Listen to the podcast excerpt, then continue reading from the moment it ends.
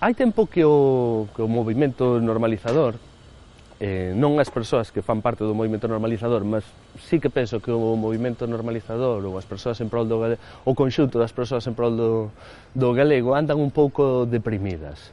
E, e hai bastantes razóns para iso, non? Unha delas é eh, que, que vamos notando pouco a pouco que as nosas crianzas, as crianzas galegas, van deixando de ter o galego como lingua ambiental ou como lingua habitual, non? E iso, esa situación témola cada vez máis perto, notámola cada vez eh, máis perto de nós, excepto en zonas moi agrarias, iso é o que se está tornando habitual hoxendía en, no conxunto da Galiza. Por outro lado, eh, tamén notamos, pouco a pouco, que o galego deixou de ser, digamos que o principal aglutinante das persoas progresistas, como era nos, nos anos 80 e nos 90, para pasar a ter, a causa galega pasou a ter que concorrer con moitas outras, con moitas outras causas. Non? Digamos que agora temos que facer máis esforzos por encontrar o noso nicho de mercado. E hai outras causas tan importantes ou máis que, que o galego que tamén van interesando cada vez a máis xente, a máis xente nova. É o normal nunha sociedade democrática e nunha sociedade diversa como, como a que queremos construir. O anómalo sería que fose que tivésemos que axir nunha sociedade eh, homoxénea. Non? Mas, de alguma maneira, o movimento normalizador ou as persoas preocupadas polo galego temos que, que, que identificar os, os problemas e a nosa responsabilidade e o noso desafío é tentar eh, superalos, non tentar darlles unha solución. Como? Bon, eu penso que non hai fórmulas eh, máxicas, non? Hai moitas fórmulas, mas ninguna delas é, é máxica. Mas, en cualquier caso, presinto que, que resistir entre aspas, eh, ou non vai ser, digamos así, no futuro a máis, a máis importante. Hai certas cousas, como por exemplo a luita contra a discriminación lingüística, a luita contra, contra os preconceitos ou a defesa das, da, da, dos avanzos que xa tivemos na, no ámbito institucional, dos moitos avanzos que tivemos no ámbito institucional, que digamos que de, entrarían dentro do conceito de resistir, que eu non digo que non sexa importante, claro que é moi importante, mas ao mesmo tempo que facemos iso, tamén deben ir gañando importancia eh, outros proxectos máis motivadores a longo prazo para os utentes do galego, non? Proxectos que, que nos devolvan, digamos así, a alegría de ir navegando neste barco da normalización lingüística. Bon, pois eu penso que dous deses proxectos máis motivadores a longo prazo, máis entusiasmantes, eh, xa nasceron e xa hai moitas persoas a traballar neles, non?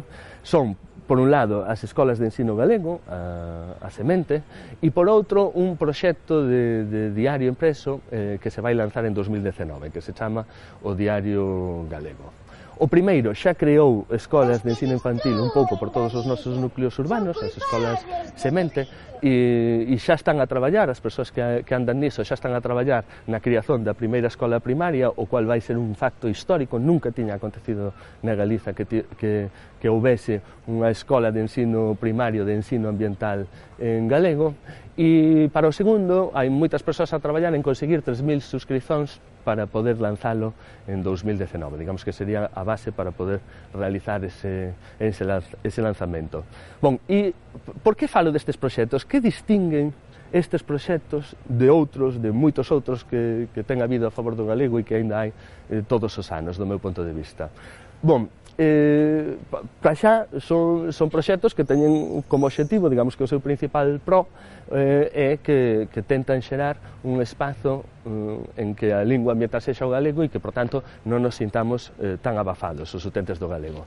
Mas eu teño outro pro que, que quería destacar aquí e que para iso teño que ollar para outros territorios, porque noutros territorios con linguas minoritarias e con linguas eh, minorizadas, proxectos deste tipo, como de imprensa na lingua minoritaria ou de ensino ambiental na, na lingua minoritaria, foron, sen dúbida ninguna, sen ninguna sombra de dúbida, os, os, os proxectos máis motivadores para o movimento normalizador ao longo das últimas décadas. Por exemplo, no País Vasco, hai moitos outros casos, non? mas vou vos falar do País Vasco, porque é o que temos máis perto, e é un caso coñecido de recuperación de falantes nas últimas eh, décadas. Bon, pois no País Vasco, quer a fundación de, de novas escolas, de novos centros de ensino para as icastolas, quer a, a defesa dunha, de un cabezallo en lingua vasca, que actualmente se chama Berría, mas que tivo eh, outros nomes no, nos, últimos, nos últimos anos, eh, foron o verdadeiro corazón da motivación lingüística desa, desa comunidade de falantes eh, de vascos e provocaron, son proxectos populares mas provocaron un verdadeiro entusiasmo eh, popular para botalos a andar e para conseguir que permanecesen no tempo. No caso das, das Icastolas, aínda hoxe se xuntan centenas de millares de vascos en todas as, en todas as vilas do, do País Vasco para arrecadar fundos para criar novos centros de ensino.